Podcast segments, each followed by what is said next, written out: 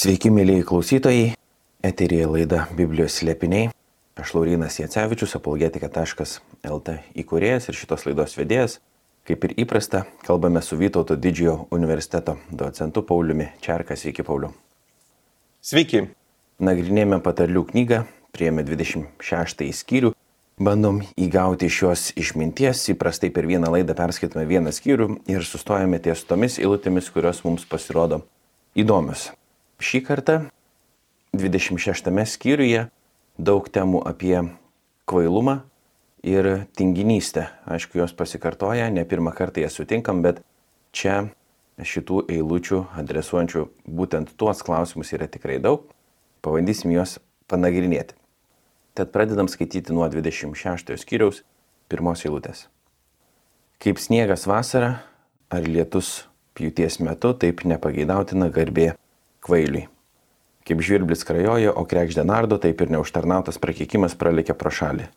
Botagas arkliui, kamanos aslui, o lasda kvailių nugarai. Gal čia ir sustokime ir pažiūrėkime į pačią pirmąją eilutę, Pauliu. Taip, pirmoji eilutė mes sutinkam temą apie garbę kvailio arba kvailio tokį išaukštinimą. Ir idėja yra ta, kad tai yra neįprasta, tai nedėra, tai neneša jokios naudos. Na, sniegas vasarą, net jeigu jis toks ir būtų, jis būtų beprasmis, o lietus pities metu priešingai galėtų turėti net žalingą reikšmę. Reiškia, idėja yra perteikiama, kad yra dalykai, kurie netinka arba kurie žaloja, nors patys savyje yra geri. Na, sakykime, politinė gale arba tam tikra visuomeninė garbė jeigu jinai būtų dalinama chaotiškai žmonėms, kuriems jį netinka, tai nei jiems į gerą padarytų, nei aplinkiniams iš to būtų nauda. Kaip, sakykime, apdovanojimai, medaliai ar ordinai. Jie patys yra geri dalykai, bet jeigu juos dalintų apdovanojanti valdžia institucija visiškai atsitiktinai, tai sugadintų ir pačio apdovanojimo reikšmę ir net neštų jokios naudos nei apdovanotajam, nei tiems, kurie siekia to apdovanojimo. Tai moralas yra, jog panašiai ir autorius matyt nori mums pasakyti yra ir su dangiška garbe, dangaus garbe arba dangiškais apdovanojimais. Jie yra be galo svarbus, bet jie negali būti dalinami absoliučiai visiems lygiai. Šiuo metu Europoje atsiranda įdomi prieitis mokyklose, kuomet visi mokiniai gauna vienodai vertinimą. Kaip tam tikras testinis na, mokymo metodas siekiant sumotivuoti visus lygiai. Ir reiškia visus apdovanoti vienodai. Galbūt tai padėtų nenusivilti mokiniams ir kažko siekti. Bet kiek teko susipažinti su to metodo rezultatais, vis tik jis net neša to, kas tikimas iš jo. Komet vienodas pažymys yra parašomas ir gerai atlikusiam namų užduotį, ir visai netikusiam, jis net neša to rezultato. Reiškia, jisai nemotivuoja kažko, kuris stengiasi dar kartą stengtis ir jis nemotivuoja, pasirodo, netlikusi užduoties, kitą kartą ją atlikti. Tai kažkas panašiai yra ir su dangiškais apdovanojimais, jie negali būti vienodai išdalinti. Ir štai čia, nepaisant to, kad visi žmonės yra kviečiami į išganimą vienodai, išganimo arba dangaus garbė negali būti vienodai išdalinta absoliučiai visiems, neatsižvelgiant į jų siekius. Tai atsikartojanti tema.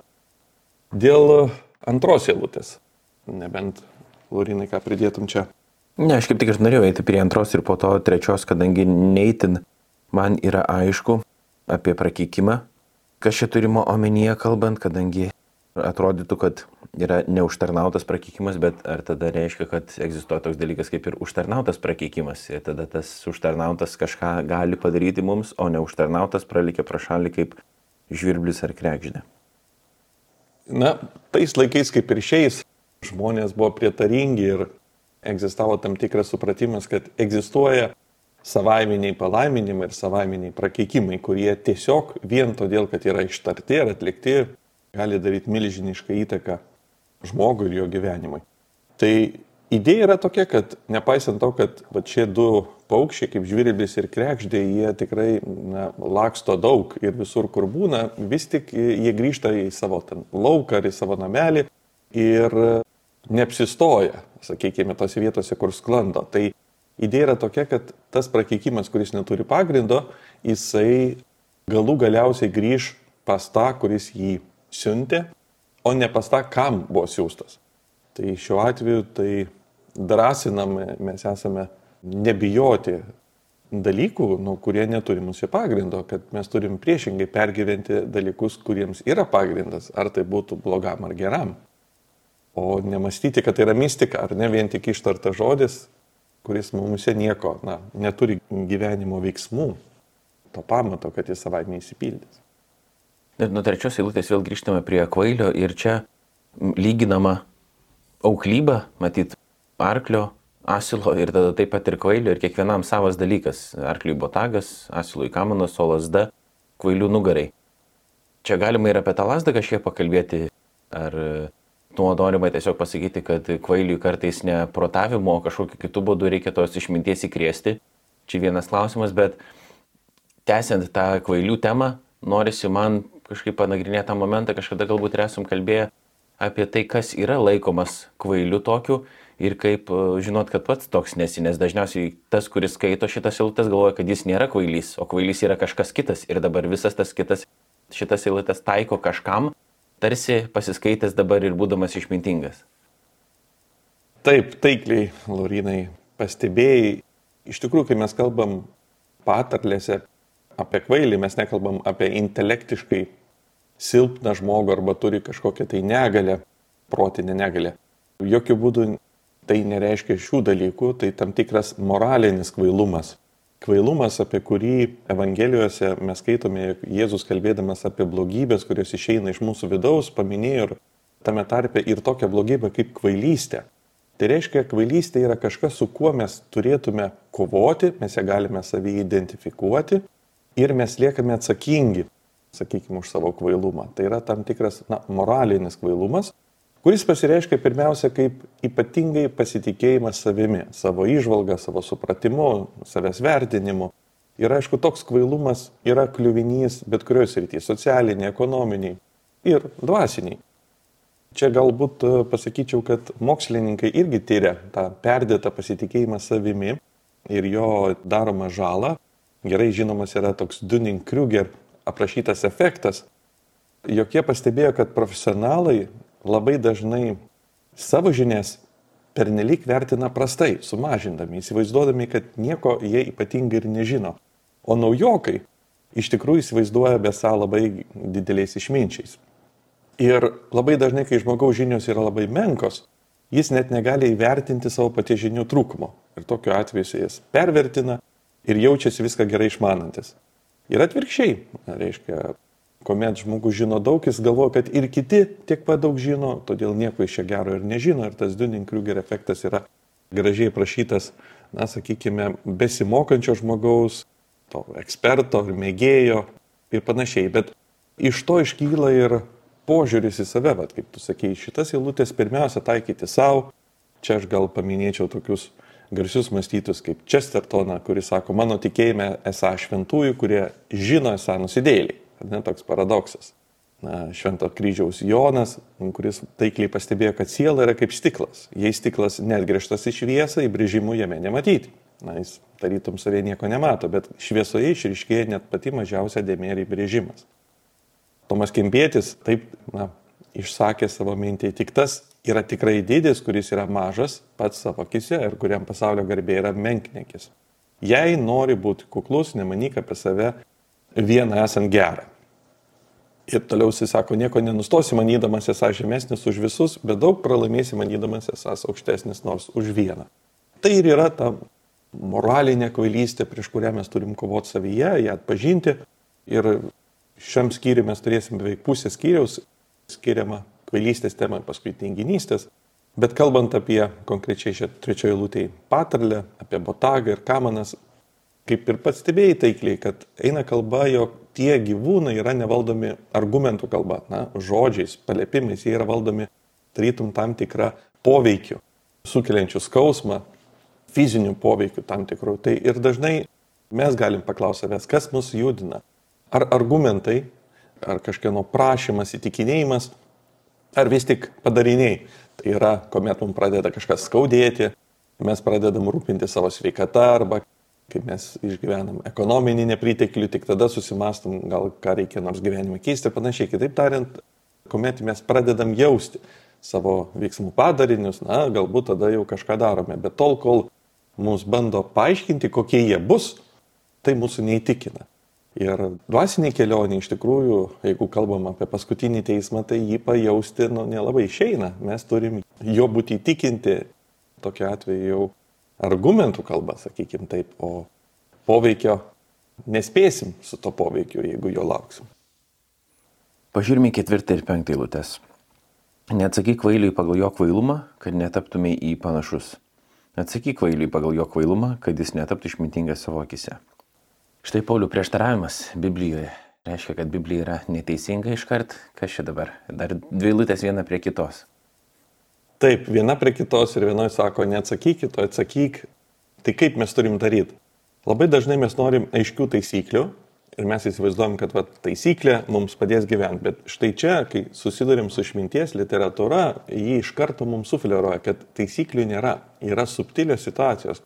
Reikia pajausti, kurioje situacijoje kaip pasielgti. Vėliau mes matysim netgi tokį palyginimą, kad devintoji lūtėje, kad patarlė kvailio lūpose yra kaip irškėčio šaka girtuoklio rankoje. Kitaip tariant, nepaisant to, kad idėja ir principas gali būti geras, bet žmogus visiškai nemoka jos adaptuoti savo konkrečiai situacijai ir iš to jokios naudos. Neužtenka žinoti vieną ar kitą na, nurodymą, reikia nujausti, o kaip jį naudoti čia ir dabar, kaip jį adaptuoti pagal konkrečias aplinkybės ir galbūt tenka pasielgti visiškai priešingai. Aišku, šitas ketvirtos, penktos eilutės prieštaravimas tikrai daugelį kankino mąstytojų ir buvo na, pasiūlyta keletą na, idėjų, kaip tai suderinti. Paprastai mes galim vat, įsigilinti dar kartą tas eilutes ir pamatyti, kad pirmiausia yra kviečiama nesiginčyti, ar ne, nesivelti į ginčą, nes iš kvailių jokios naudos tu jo neperkalbėsi ir pats nu, nieko iš to negausi.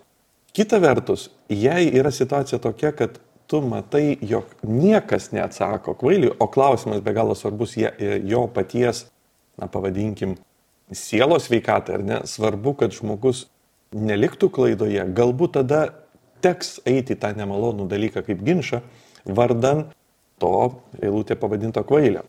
Reiškia, menkuose klausimuose nesivelk į ginčius, bet jeigu klausimas yra be galo svarbus žmogui, jo gyvenimui ir niekas kitas dėja jo neiškėlė tų argumentų, tai tada aukokis, nors ir suvokdamas, kad tai yra žalinga tau, bet iš meilės jam, nu, pasakyk tuos argumentus, nepalik žmogaus klaidoje. Tai toks suderinimas, pirmiausia, dėl savęs paties nesivelk, pirma reakcija yra atsitrauk, bet vėliau, jei klausimas svarbus ir niekas kitas to dar nepadarė, tai būk tas, na, kuris tai padarys. Mes matom Evangelijose, kad vis tik Kristus atsakydavo žmonėms, į provokuojančius klausimus ir leisdavosi į tam tikrą disputą, tai šiuo atveju mes galime matyti tai, ar ne, kad vis tik tai yra toks kvietimas, esant rimtam reikalui, veltis disputą. Žiūrim toliau nuo šeštos eilutės. Žmogus, kuris siunčia žinę per kvailį, pjauna savo koją ir daro savo nuostolį. Patarlė kvailio lūpose kliba kaip šlubio kojos. Duoti kvailiui garbės vietą yra tas pat, kas įrišti akmenuką į svaidyklę. Man dėmesį patraukė septinta eilutė, būtent, kad patarlė kvailio lūpose kliba kaip šlubio kojos. Ir ar čia norima pasakyti visų pirma, kas, apie kokią čia patarlyną kalba, ar apie tą, kuri yra iš patarlių knygos, ar apie ką nors kitą. Bet kad ir kaip būtų, kažkoks toks posakis, kuris turėtų tarsi vesti prie gilesnės išminties, nors ir per kasdieniškus pavyzdžius, jeigu jį vartoja kvailys, gali būti visai iškreiptas ir nesuprastas, ne, netai pritaikytas. Kažkaip taip? Taip, būtent, kad e, mums neužtenka žinoti kažkokios taisyklės, kuri savaime yra gera, bet dar reikia tam tikro na, nuojautos, na, išminties, pavadinkime, pajausti, kaip ją pritaikyti čia ir dabar. Ir, ir tas pats taikyti net švento rašto tiesoms. Neužtenka perskaityti vieną ar kitą eilutę, vieną ar kitą dėsnį ar principą sakykime, išmokti. Dar reikia nujausti, ar dera jį čia ir šitoj vietoj taikyti, nes šiuo atveju, jeigu taikantysis taiko tai labai aklai, nejautriai, neatsižvelgdamas į aplinką, jis dažnai žino tik vieną patarlę, bet gali ją pritaikyti, na, sakykime, netinkamo vietoje. Na, įsivaizduokit, kas būtų, jeigu, sakykime, darboholikui tu pradėsi taikyti patarlės apie tinginystę, nu ir atvirkščiai tinginiui apie persidirbimo žalą. Mintis bus teisingas, bet jos bus parinktos visiškai ne vietoj ir ne laiku ir jos padarys dar didesnę žalą. Taip, tokia tai yra idėja. Panašiai kalbama ir devintoji lūtė, kur rašoma, kad patarlė kvailė lūpose kliba kaip erškėčio šaka girtoklio rankoje, tad čia galbūt daugiau nesustosim ir e, galim pabaigti tą sekciją apie kvailius, skaitydami iki 12 eilutės. Samdyti kvailę ir girtoklį yra tas pat, kas kalavijų žaisti praeivius, kaip šuo vėl grįžta prie savo vėmalo, taip kvailys kartoja savo kvailystę. Ar esi matęs žmogų, kuris tarėsi esas išmintingas iš kvailių, galima tikėtis, daugiau negu iš jo. Vėlgi, man dėmesį traukia 11 eilutė, kažkada esam diskutavę su vienu draugu apie šitą vietą ir pritaikę savo gyvenimams, kaip mes dažnai grįžtam prie įvairių nuodėmių, kurios yra tarsi tas viemala šuniai. Ir jeigu kas yra turėję šunį, tai žino, kad iš tiesų tai būna.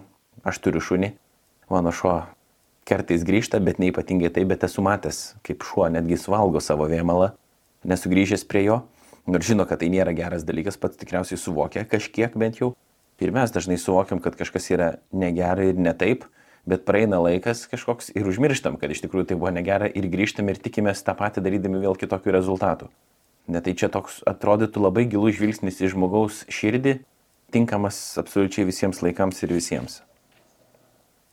Taip, Laurinai, ir Paštalas Petras šią patalę cituoja savo laiškė ir mes matom, vat, kaip Naujame testamente yra tos patalės jau suprantamos ir iš esmės, nors čia yra kalbama apie savo klaidų kartojimą ir niekad nepasimokymą iš klaidų, darimą to paties tikintis kažkokio kito rezultato, bet nors tiesiogiai, aišku, patalė kalba apie mūsų būtį, apie mūsų na, socialinius, ekonominius ir kitus veiksmus. Kita vertus, jo paštos Petras tai jie pritaiko mūsų moraliniam gyvenimui ir kalba apie jau moralinius pasirinkimus, tai yra moralinės klaidas. Aš taip pat turėjau vaikystėje šunį ir tą patį fenomeną teko matyti. Ir kažkaip galvoju, kad ar pats taip nepadarai, panašu, kad padarai, nu kas nėra padaręs daugiau nei du kartus kažkokį kvailą pasirinkimą ir tokiu atveju na, prisimeni šį kvietimą ir kovoji su tą kvailystę savyje. Ir užbaigim galbūt tą dalį apie kvailius dar pažvelgdami tą 12 eilutę, kur rašoma, ar esi matę žmogų, kuris tarėsi esas išmintingas, iš kvailių galima tikėtis daugiau negu iš jo. Nors atrodo čia pliekiami kvailiai, bet dar blogiau yra su tuo žmogumi, kuris galvoja, kad yra išmintingas tai jis net yra prastesniai situacijai negu tas e, tikrasis kvailys, kuris galbūt ir nesuvokia tos savo situacijos, bet tas, kuris tarėsi esas išmintingas, iš tikrųjų taip mano, jis netgi yra dar labiau apgailėtinoje padėtyje negu tas kvailys, kuris buvo čia pliekiamas visą laiką. Taip, ir jeigu tai yra tikrai pavojinga būsena, sakykime, profesiniam gyvenime būti perdėm užtikrintų savo žiniomis arba įsivaizduoti, kad tikrai žinai visus atsakymus, Tai gali vesti į rimtas klaidas ir rimtus padarinius. Lygiai taip pat ir dvasiniam gyvenime būti užtikrintų savo dvasiniu stoviu, savo dvasinė išmintimi yra labai pavojinga, nes tokiu atveju nėra progreso, nėra matymo savęs klaidų ir yra padaromos labai rimtos klaidos, kurios, kas yra na, labai pavojinga, nematomos. Iš ties, reiškia, tai yra labai pavojinga būsena būti patenkintu savo tikėjimo arba savo dvasinę pažangą.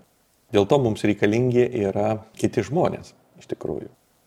Nes jeigu mes būtume tik patys su savim, tai į tokią būseną labai nesunku įkristi. Būtent reikalingas kažkas kitas iš šalies, kuris duoto atveju kai kada gal ir pagirtų, bet e, kai kada ir stukteltų kažkiek, tai atkreiptų dėmesį taip, į mūsų padėtį.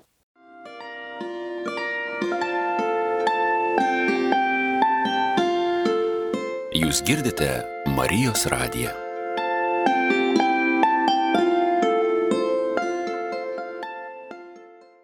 Ir nuo 13 siltės pradedam skaityti apie tinginį. Plėšrūnas ant kelio sako tinginys liūtas laukia, duris sukinėjasi ant savo vyrių, o tinginys savo lovoje. Tinginys kiša ranką į dubenį, bet per daug pavargęs, kad pakeltų ją prie burnos. Tinginys tarėsi esas išmintingas už septynis žmonės duodančius gerą patarimą. Vėlgi tas tinginys 16 eilutėj prilyginamas irgi tam kvailiui arba tiksliau tam žmogui, kuris tarėsi esas išmintingas. Tai tinginystė ir kvailumas yra kažkaip susiję, ne? Kažkaip susiję, nes mes galim tiesiog galbūt ir savietą pastebėti, kaip dažnai žmonės gali pakomentuoti dalykus, kurių jie niekada nėra darę, ar ne? Kaip dažnai mes žiūrėdami sporto varžybas galim paaiškinti trenerio klaidas, kaip reikėtų mesti, jeigu kalbant apie krepšinį, ten kamolį ar, ar panaudoti vieną ar kitą, sakykime, veiksmą, kaip dažnai nors niekada to nedarėme, bet žinome, kaip dera daryti. Kaip dažnai mes žinom, kaip valstybė reikia valdyti, kaip įmonės reikėtų valdyti. Ir dažniausiai žmogus, kuris savo gyvenime nieko neveikia, jis gali paaiškinti, kaip viską reikia daryti ir dar baisiau jis gali paaiškinti, kodėl ir neverta nieko daryti, nes darant atsiras tam tikros rizikos, va čia mes 13 eilutėje kalbam apie tą liūtą, jog tas rizikas jis puikiai mato, Ir jeigu tu jam pasiūlytum vieną ar kitą veiksmą, jis visada duos kontrargumentą, juk viskas gali pasibaigti blogai, jeigu pradėti komercinę veiklą yra rizika, jeigu eiti į darbą gali nesiskaityti, gali darbo netekti, gali tekti toli keliauti, gali susižeisti ir panašiai. Ir kitaip tariant, žmogus visada gali pateisinti savo neveikimą ir dar labiau gali paaiškinti, kaip blogai dirba tie, kurie kažką veikia. Tai va yra tas tinginio išradingumas, kuris argumentų ir įtikinėjimo kalba ir save patį nuramina, kad neverta nieko daryti ir tuo labiau paaiškina visiems kitiems, kad jis puikiai išmano dalykus. Nuo 17 iki 19 paskaitom dar kapaliuką. Praeivis, kuris kišasi į svetimą ginčą, panašus į žmogų, griebinti šunį už ausų. Kaip pamišėlis svaidantis liepsnojančius nuodegulius ir mirtinas strėlės, elgesi žmogus, kuris apgauna artimą, o paskui sako, aš tik pajokavau. Abie eilutės trejos net yra pakankamai intriguojančios, nes griebti šunį už ausų, vėlgi, abiem mum turint patirtis su šunimi, na, aš nesu taip jau labai griebęs šunį už ausų, tokia kaip švelnumo žesta tam tikra, nors šunį gal ir kartais neipatingai patinka, bet jeigu pakasai visai nieko, tos ausis, ar ne? O čia praeivis, kuris kišasi iš svetimo ginčio, griebė šunį už ausų, man neipatingai aišku, ką čia norima pasakyti šitą eilutę. Na, jeigu auginai triušius ar kažką panašaus, tai žinai, kad tai yra būdas, kaip tu turi paimti tą gyvuliuką, ar ne? O šuo, na, neįmamas yra už ausų. Jeigu jį bandysi imti, na, sakykime, vienas dalykas jo nelabai paimsi, kitas dalykas jis tikrai taukas. Čia duoto atveju eina kalba ne apie pakasimą ausų, bet tiesiog pabandymą paimti jį už tos vietos. Tai yra visiškai netinkamas būdas elgtis su šunimi. Tai šiuo atveju su ginšu svetimų ginčių.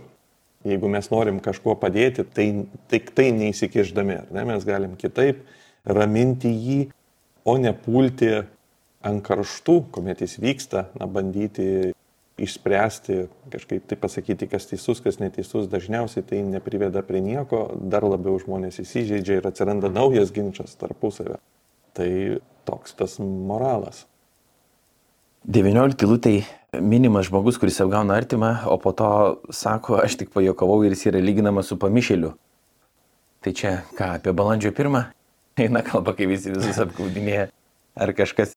Turbūt rimčiau. Čia suprantama, kad pokšto dalis mūsų gyvenime tikrai gali būti, bet eina kalba apie žmogų, kuomet tas pokštas iš tikrųjų žmogui atneša žalą ir pasirodo, kad jis buvo be rimtos priežasties jis tiesiog buvo na, pasilinksminimo tikslas, nors iš tikrųjų žmogus realiai nukentėjo.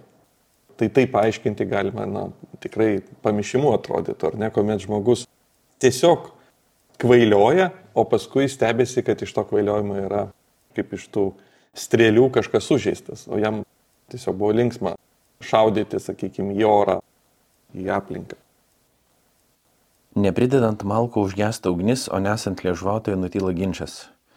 Anglis žarijoms, malkos ugniai priekabingas žmogus kivirčių iškurti. Liežuvautojo žodžiai tarsi skanėstai, jie pasiekia pačią vidurių gelmę. Čia vėlgi kalbama apie tokį asmenį, kuris pakursto ginčą, pakursto kivirčią ir tarsi šitam skyriui bent jau patarliu mes esam raginami vengti tų nereikalingų ginčių, aišku, su išmintimi, kartais, kaip jau minėjote, apie tą pasiaukojimą vardant kito iš meilės jam, jeigu reikia, kad jisai būtų.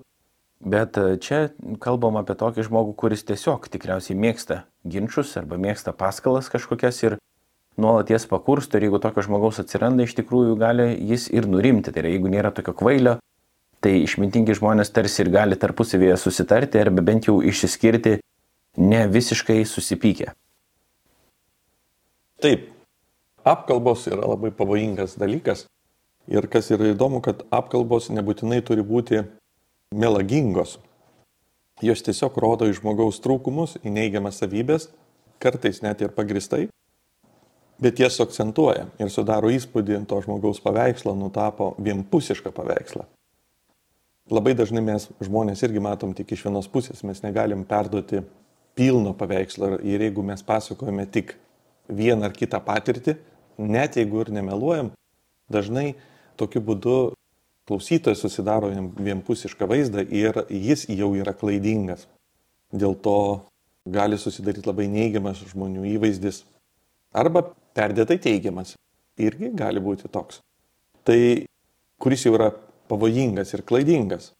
Ir šiuo atveju, kalbant apie tos skanėstus, yra, na, idėja yra tokia, kad maistą negalima vertinti tik pagal jo skonį. Taip, maistą reikia vertinti pagal jo naudingumą, pagal jo naudingasias savybės, maistingasias arba pagal jo poveikį mūsų sveikatai, juk mes nepuolame valgyti dalykų, kurie tiesiog skanus, bet, pavyzdžiui, naudingi. Taip, mes visada, na, realiai, jeigu renkamės ką valgyti, pirmiausia, na, mes galvojame, ar tai yra sveika, o tik paskui, ar tai skanu. Tai su apkalbom yra idėja yra tokia, kad tai be bejonės yra skanu. Būtent tam procese, kol tu aptari kažką, atrodo, nu, turi pasimėgavimą. Problema yra ta, kad tai yra nuodinga. Reiškia, tai užkrečia tavo vidinį pasaulį, vidinį mąstymą apie žmogų, o tai jau veda į žalingus padarinius. Nes tai iškreiptas yra jo įvaizdis, vaizdas, kuris jau pas tave susiformuoja. Tai va šiuo atveju toks taiklus palyginimas, kad skanėstas mes nesirenkam na, valgyti kažko vien tik dėl jo skanumo. Dažnai mes galvom, o kas bus, kai mes jį prarysim, na, ar jis neužnuodys mūsų. Apie panašią problemą ir klausimus kalba ir kelios kitos eilutės, kurias dabar ir paskaitysiu. Kaip glazūra dengianti molinį indą yra lipšnios piktaširdžio lūpos. Žmogus kupinas neapykantos, žodžiais jos neparodo, bet širdie rengia apgaulę. Kai jo kalba pataikaujanti, nepasitikėk jo, nes jo širdie glūdi septynios baisenybės, nors jo neapykanta gudrai paslėpta, nedarumas atsivers sueigoje. Vėlgi panašu, kad jeigu kažkas ir gražiai šneka, kaip pirma tas apkalbėtojas gali būti tas, kuris nebūtinai gerą pusę pristato kito žmogaus ir tai yra pasimėgavimas, kalbant konkrečiai su tuo žmogumi, galima kalbėti labai lipšniai ir labai pataikūniškai, bet e, esame raginami tada susimastyti, kas čia vyksta, matyti yra kažkokia problema, galbūt tas žmogus rengia savo širdie klastą, jeigu esi nuolat įgyriamas. Ir dažnai tas tieso žodis, kurio mes nenorim pasakyti kitam, nes galim tada būtent į tą konfliktą ir į ginčą papulti, mes įprastai nėra taip, kad labai mėgtumėm konfliktų, ypatingai su savo draugais ir artimaisiais tai esam netgi linkę sakyti tokius lipšnius, malonius žodžius, nors tai gali nuvesti ir į pražūtį, čia ankstesnių skyrių irgi yra tema. Čia susidarėm su tokiu asmeniu, kuris sako malonius žodžius, tarsi gražiai viskas atrodo iš išorės, bet viduje gali būti visiškai kitaip. Ir čia prisimenu Jėzaus žodžius, kuris rašto aiškintojus ir fariziejus kaltino, kad yra pabaltinti kapai, iš išorės gražiai atrodantis, kad, kad ir kaip kapas gali gražiai atrodyti, bet viduje jie yra pilni puvėsių. Ne? Taip, labai taikliai Laurinai prisiminė tą eilutę iš Evangelijos, kuri perteikė tiksliai tą pačią prasme, jog mūsų išorinis įvaizdis gali būti labai atitrūkęs nuo vidinės tikrovės. Ir šiuo atveju ta glazūra, kai kurie ankstesni vertimai buvo tiesiog sidabro apkalimas, reiškia indą padaro atrodantį kaip labai brangų, labai vertingą, Nors iš tikrųjų jis yra molinis, tai yra pačios pigiausios kokybės, reiškia lyginant su tikrai brangiais, prabangiais indais. Ir vėliau yra parodoma, kad širdis ir mūsų žodžiai gali būti būtent tokie, gali būti labai prastos kokybės, kaip molinė širdis, reiškia, tačiau jinai vilkta į labai gražius žodžius ir atrodo kaip labai turinčia didelę vertę. Tai šiuo atveju pataikaujanti kalba, jinai gali atlikti tokį apgaulingą veiksmą. Ir vėliau mes matysim paskutiniai eilutėj pasakyta, kad melagingas liežuvis nekenčia savo aukų. Tokį teiginį. Viena vertus mums atrodo labai aiškus, bet dar kartą pagalvokim. Argi nėra taip, kad mes būtume linkę nutilėti nemalonę tiesą iš meilės, kaip mes sakom, ar ne?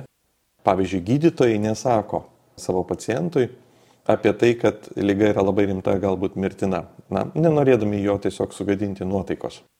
Kaip jie elgesi iš tikrųjų? Ar jie iš tikrųjų rūpinasi to žmogumi, ar priešingai, jie tiesiog labiau galvoja apie save ir jie nenori, na, sakykime, tos įtampos, to streso, kuris įvyks pasakius tiesą. Tačiau patarė labai aiški, jei meluoji, tai iš esmės tu nekenti, tu klaidini.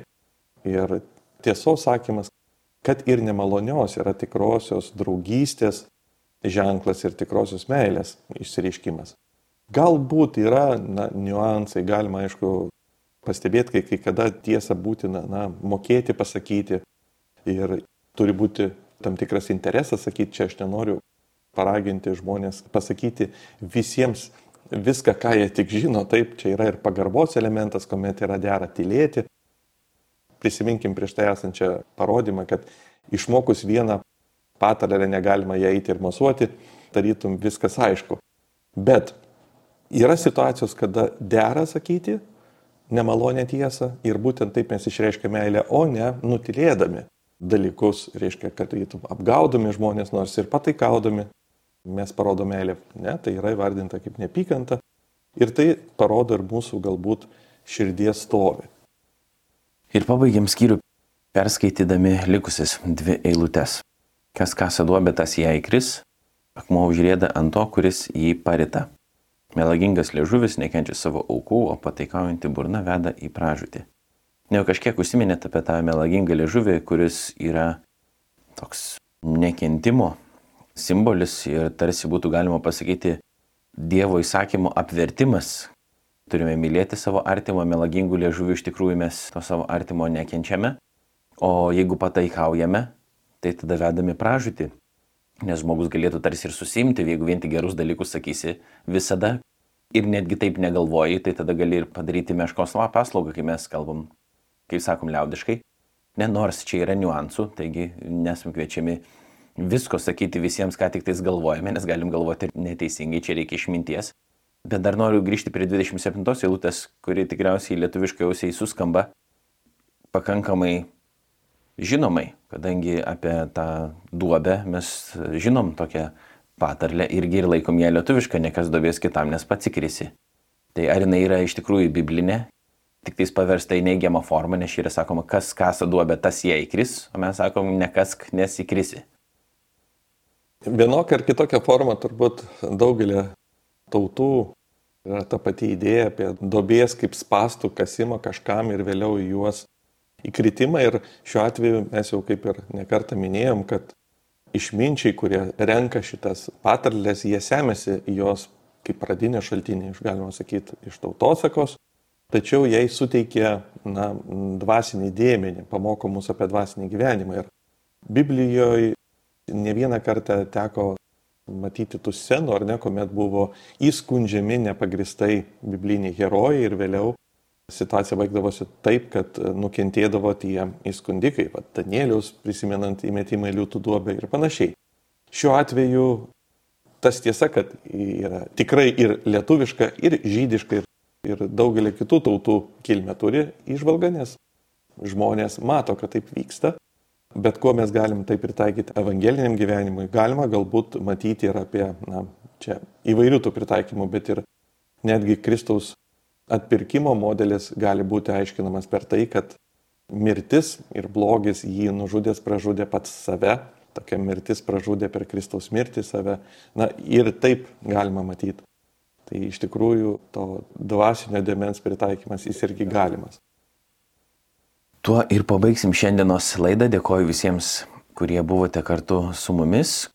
kurie klausotės šitų laidų apskritai. Primenu, kad jas galite rasti Marijos radio svetainėje, skiltyje Biblijos slėpiniai. Jeigu ką nors esate praleidę, galite paklausyti.